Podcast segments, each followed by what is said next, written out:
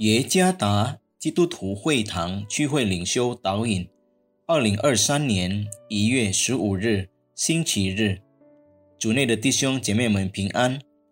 今天的领袖导引，我们要借着圣经《生命记》七章六到八节来思想今天的主题：上帝是爱。作者于来发传道，《生命记》七章六到八节。因为你归耶和华你神为圣洁的名，耶和华你神从地上的万民中拣选你，特作自己的子民。耶和华专爱你们，拣选你们，并非因你们的人数多于别名。原来你们的人数在万民中是最少的，只因耶和华爱你们，又因要守他向你们列祖所起的事。就用大能的手领你们出来，从为奴之家救赎你们，脱离埃及王法老的手。我们是有罪的人，有罪的人如何能认识真神呢？一切都是上帝的恩典，上帝把救恩白白赐下，正如以弗所书二章八到九节所说：“你们得救是本乎恩，也因着信。”这并不是出于自己，乃是神所赐的；也不是出于行为，免得有人自夸。恩典乃是神的恩赐，本是我们不配得的。我们能成为上帝子民，这恩典是因为上帝爱我们。圣经记载说：“耶和华专爱你们，拣选你们，并非因你们的人数多于别名。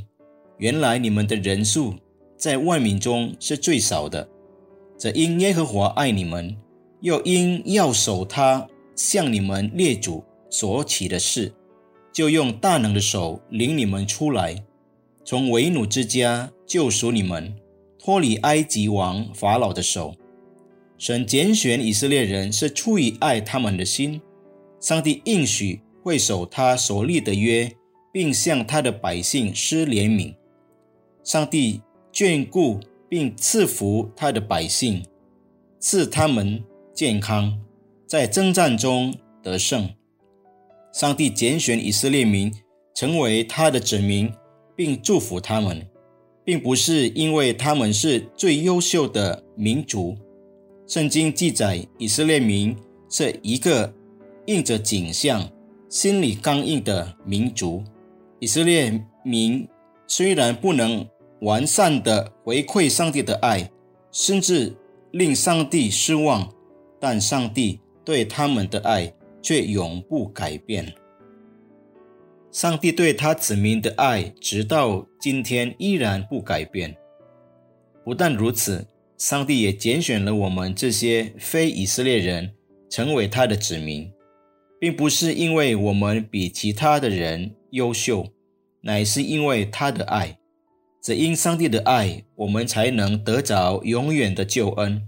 我们没有理由自大和高傲，而是更要在上帝面前谦卑自己，寻求他的旨意，并过一个讨他喜悦的生活。因此，上帝的爱，我们被拣选成为他的子民。愿上帝赐福弟兄弟兄姐妹们。